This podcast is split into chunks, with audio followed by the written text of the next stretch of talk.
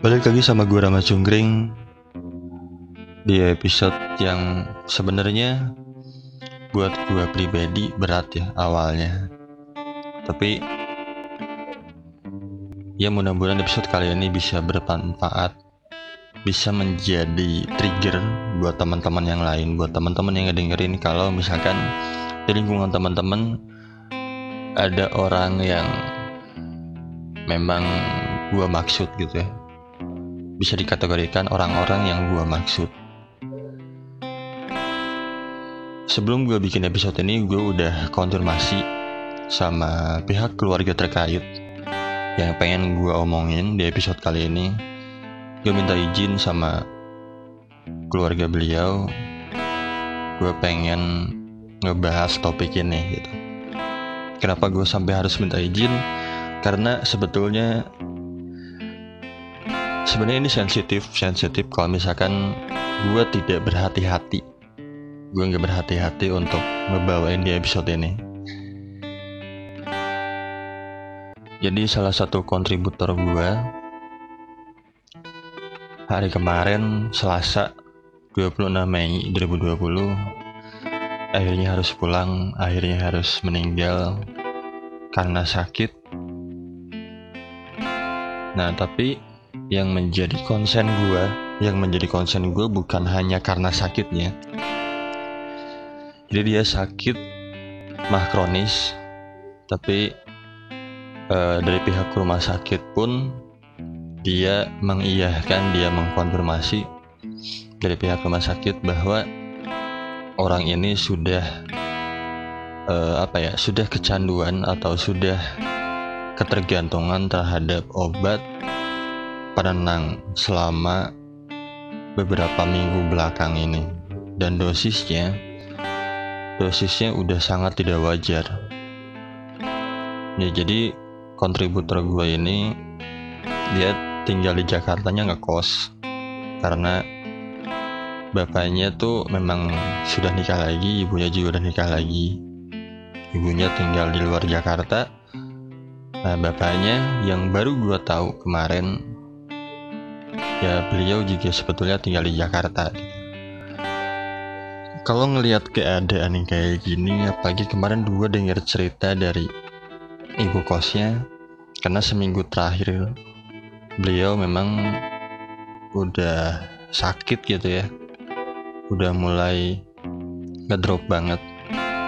Cuman ibu kosnya ini dia berusaha sebaik mungkin untuk tetap ngejaga tetap menjaga kontributor gue tetap ada di kosan.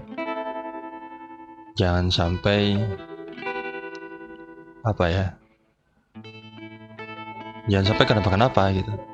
Karena sebetulnya katanya beberapa hari lalu sebelum kejadian orangnya tuh udah pengen datang ke keluarganya. Tapi tapi ibu kosnya berpikir bahwa dia tuh sebetulnya masih bisa dirawat di kosan. Terus lagi keadaan kayak gini kan khawatir ya kalau misalkan keadaan sakit terus ketemu keluarga apalagi ada salah satu keluarga yang memang cukup rentan gitu ya dari umur. Nah ibu kosannya ini menjaga biar nggak terjadi apa-apa gitu gue sangat mengerti maksud baik dari ibu kosan ini. Cuman mungkin kontributor gue sudah sangat tidak tahan dengan keadaan sekarang gitu ya. Dia keadaan sakit dia merasa dirinya itu sendiri. Dia butuh orang yang mungkin selalu ada di dekatnya dia. Ya akhirnya dia nggak nggak tahan dengan keadaan sekarang ngelakuin hal yang akhirnya mungkin mungkin menyakiti diri sendiri. Jadi kontributor gua ini kalau misalnya lo penasaran dia tuh kisahnya yang mana sih? Gue nggak akan menjelaskan secara detail cuman ceritanya dia kisahnya dia gue ngedenger pendapat orang ya pendapat orang lain teman-teman gue juga yang ngedengerin episode itu. Mereka komentarnya luar biasa luar biasa banget. Banyak belajar dari kisahnya dia. Gue juga sama. Gue juga sama. Akhirnya banyak belajar banget dari kisahnya dia. Selama 22 tahun kurang lebih dia uh, berada dalam keadaan yang kesehatan mentalnya tidak seperti kebanyakan orang. 22 tahun. Ketika gue dengar ceritanya dia sebulan lebih berarti ya terakhir komunikasi sama dia mungkin hampir dua bulan lebih ketika dia nelpon dia cerita sampai nangis gua tuh sampai ngomong lu lagi ada di mana? Gua pengen banget ketemu sama lu. Gua pengen berusaha menenangkan lu. Secara langsung gua pengen banyak ngobrol sama lu. Tapi kenyataannya kenyataannya hari kemarin akhirnya gue ketemu tapi dalam situasi yang sangat berbeda situasi yang bener-bener tidak gue harapkan sama sekali. Gue nggak kebayang kemarin gue ngeliat kontributor gue terbaring gak bisa ngelakuin apa-apa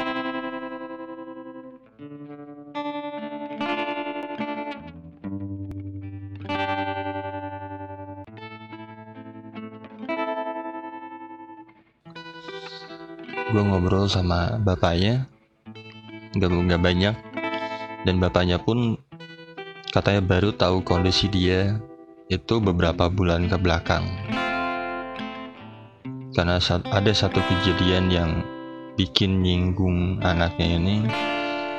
Terus anaknya ngomong ke bapaknya bahwa keadaan tersebut kejadian tersebut menyinggung perasaannya dia. Dan ketika gue dengar cerita kejadian tersebut dari bapaknya, akhirnya gue belajar lagi, belajar lagi. Uh, jadi kejadiannya itu uh, ada apa ya istri baru bapaknya ini nanya ke dia tentang apa ya tentang kenapa sih masih belum menikah di umur yang sudah sangat matang di umur 32 tahun kenapa masih memilih untuk sendiri? Nah dia tersinggung terhadap pertanyaan itu. Di situ gue belajar bahwa banyak pertanyaan-pertanyaan yang terkadang gak seharusnya kita tanyain apalagi kita nggak tahu nggak bener nggak bener-bener tahu kehidupan orang ini tuh kayak gimana gitu jadi gue di situ belajar harus makin berhati-hati untuk nanya ke orang gitu.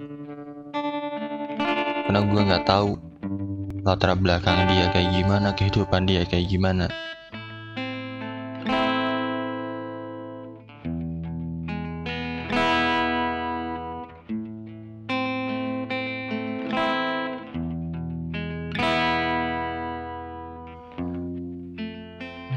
kemarin gue di sana nggak nggak begitu lama. Karena gue sih gue pribadi nggak nggak kuat ngelihat keadaan itu. Gue nggak menyangka bener-bener di perjalanan pulang aja gue masih masih berasa mimpi gitu. Bener-bener masih ngerasa mimpi. Bahkan sampai sampai tadi pagi tadi pagi gue kontak sama salah satu keluarganya. Untuk ngomongin tentang ini gue masih masih nggak percaya. Gue harapin gini sih. Bahkan oh ya bahkan gini kemarin tuh kan ibunya tinggal di luar kota ya. Sampai kemarin sore sampai kemarin sore tuh ibunya belum datang karena ya perjalanan untuk antara kota kan masih masih belum bisa diakses dengan bebas gitu ya. Jadi kemarin tuh masih ada di rumah keluarganya. Baru dimakamin tuh mungkin tadi pagi katanya gue baru denger tadi pagi. Gue berharap untuk dianya sendiri. Yang mudah-mudahan tenang. Gue tuh dilemanya tuh gini ya. Gue ketika ngelihat ngelihat kondisi dia kemarin gue melihat di wajahnya tuh senyum. Tapi guanya pribadi pun berdebat gitu berdebat antara oke okay, mungkin gue ketemu sama lu dalam kondisi kayak gini tapi setidaknya gue cukup tenang karena ngelihat lu pulang dengan ngeliatin bahwa lu senyum gitu. Tapi kan seperti yang kita tahu gitu ya kalau misalkan ditanya penyebabnya apa juga penyebabnya ada berkaitan dengan masalahnya dia gitu. Jadi gue bingung sih harus ngomong kayak gimana. Gue berharap bahwa dia sekarang ya udah baik-baik aja di sana. Dia udah nggak ngerasain apa yang selama ini dia rasain di dunia gitu. Buat teman-teman yang lain gue cuman pengen ngomong gue cuman pengen mengingatkan. Mungkin di sini kita saling mengingatkan kalau misalkan ada ada teman-teman atau siapa pun itu di lingkungan kita di lingkungan kalian semua ada orang-orang kayak gini ya kita harus merangkul sebaik mungkin. Kalau kata teman gue kemarin kita harus harus mentreatment dia secara berbeda gitu tapi gimana caranya kita harus tetap menjaga perasaannya dia karena orang-orang kayak gini cenderung memang merasa merasa hidupnya sendiri, yang ditakutkan adalah kalau misalkan tidak melukai orang lain, akhirnya melukai diri sendiri. Nah, ini yang sangat yang sangat dijaga. Ini yang harus kita jaga. Jangan sampai dia melukai orang lain, apalagi melukai diri sendiri. Gitu.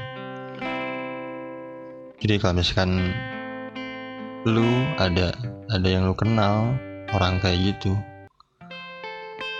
ya gue harap lu bisa merangkul dia dengan baik dan kalau misalkan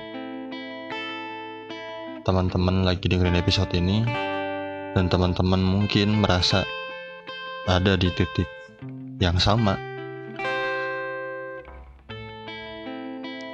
Ya gue harapkan teman-teman bisa tetap bertahan. Seperti yang gue bilang keadaan sekarang kita nggak bisa nge-planning apa yang mau kita lakuin selama lima tahun ke depan.